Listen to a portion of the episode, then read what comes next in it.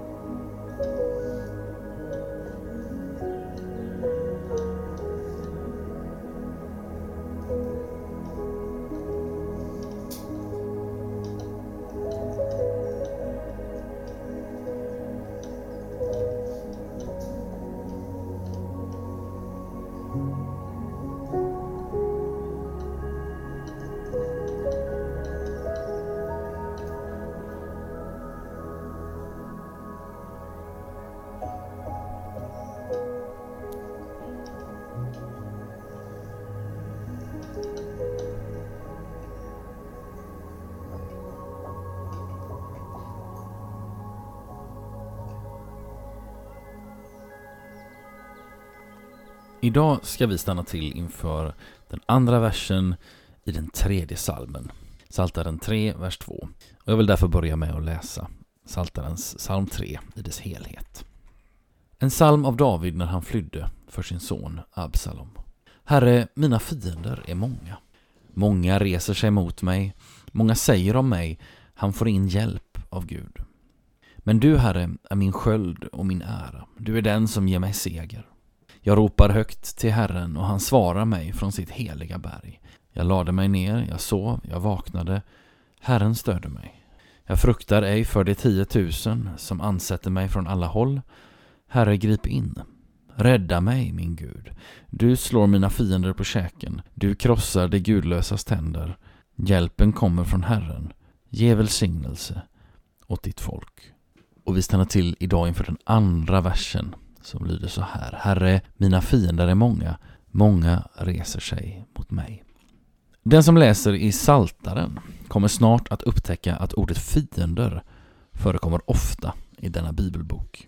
Många är de avsnitt där psalmförfattaren antingen som idag talar med Gud om fienderna eller ropar till Gud om räddning undan fienderna eller berättar om hur Gud redan har gripit in och räddat så heter det till exempel i Saltaren 5, vers 9 Herre, led mig rätt, jag omges av fiender, jämna din väg för mig. Och i Saltaren 18, vers 4 Till Herren, den högtlovade, ropade jag, och jag blev räddad från mina fiender. Men i dagens vers är tonen mera konstaterande. David talar helt enkelt med Gud om hur det ligger till.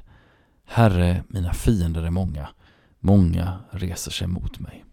Och i den förra versen som vi stannade till vid, alltså Saltaren 3, vers 1, fick vi dessutom veta att en av dessa många fiender är Davids egen son, Absalom. Något av det mest tröstande och uppmuntrande med många av saltarnas böner är att de likt dagens vers inte försöker skönmåla tillvaron eller släta över det som är mörkt och svårt. Den ärlighet som finns i många av psalmerna kan vara mycket befriande för den som läser dem. Den som söker efter fromt tillrättalagda formuleringar blir besviken, men för den som letar efter ärliga och uppriktiga böner blir letandet inte långvarigt. Vad vi människor sedan för egen del lägger i begreppet fiender kan förstås variera. Den ene kan komma att tänka på de där fientliga människorna som gjort mig så mycket ont, medan den andra i ordet fiender snarare ser sjukdomar, beroenden eller kanske till och med den egna självbilden. Alldeles oavsett så finns möjligheten att i bönen tala med Gud om hur det verkligen står till. Och alldeles oavsett vilka fienderna är så kan jag vara säker på att Gud ser på mig som sitt älskade barn och håller sin skyddande hand över mig.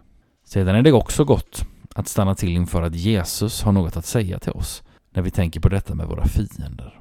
När det kommer till de människor som vi uppfattar som fiender så är Jesu bud tydligt.